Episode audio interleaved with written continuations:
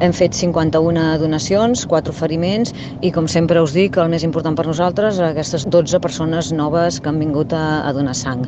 I també hem fet 6 eh, donants de plasma, que bueno, mm, també ja ho he comentat diverses vegades, estem amb aquest projecte d'intentar mm, animar la gent perquè s'apunti a la donació de plasma. És un component sanguini que necessitem eh, doncs per poder mantenir les transfusions i les necessitats dels nostres hospitals i, i bé, com sempre que col·laboren escoles, instituts, nens, joves en general, eh, a la població del Lloret ha sigut un èxit. Eh, han hagut moltes cues, eh, ha hagut gent que ha tingut que marxar perquè bueno, no podíem tampoc fer esperar tant a la gent i en som conscients que, perquè ells així ens ho han, ens ho han explicat, que vindran properament doncs, a la donació que es farà durant l'abril, passat Setmana Santa, que tornarem a estar aquí a, a Lloret.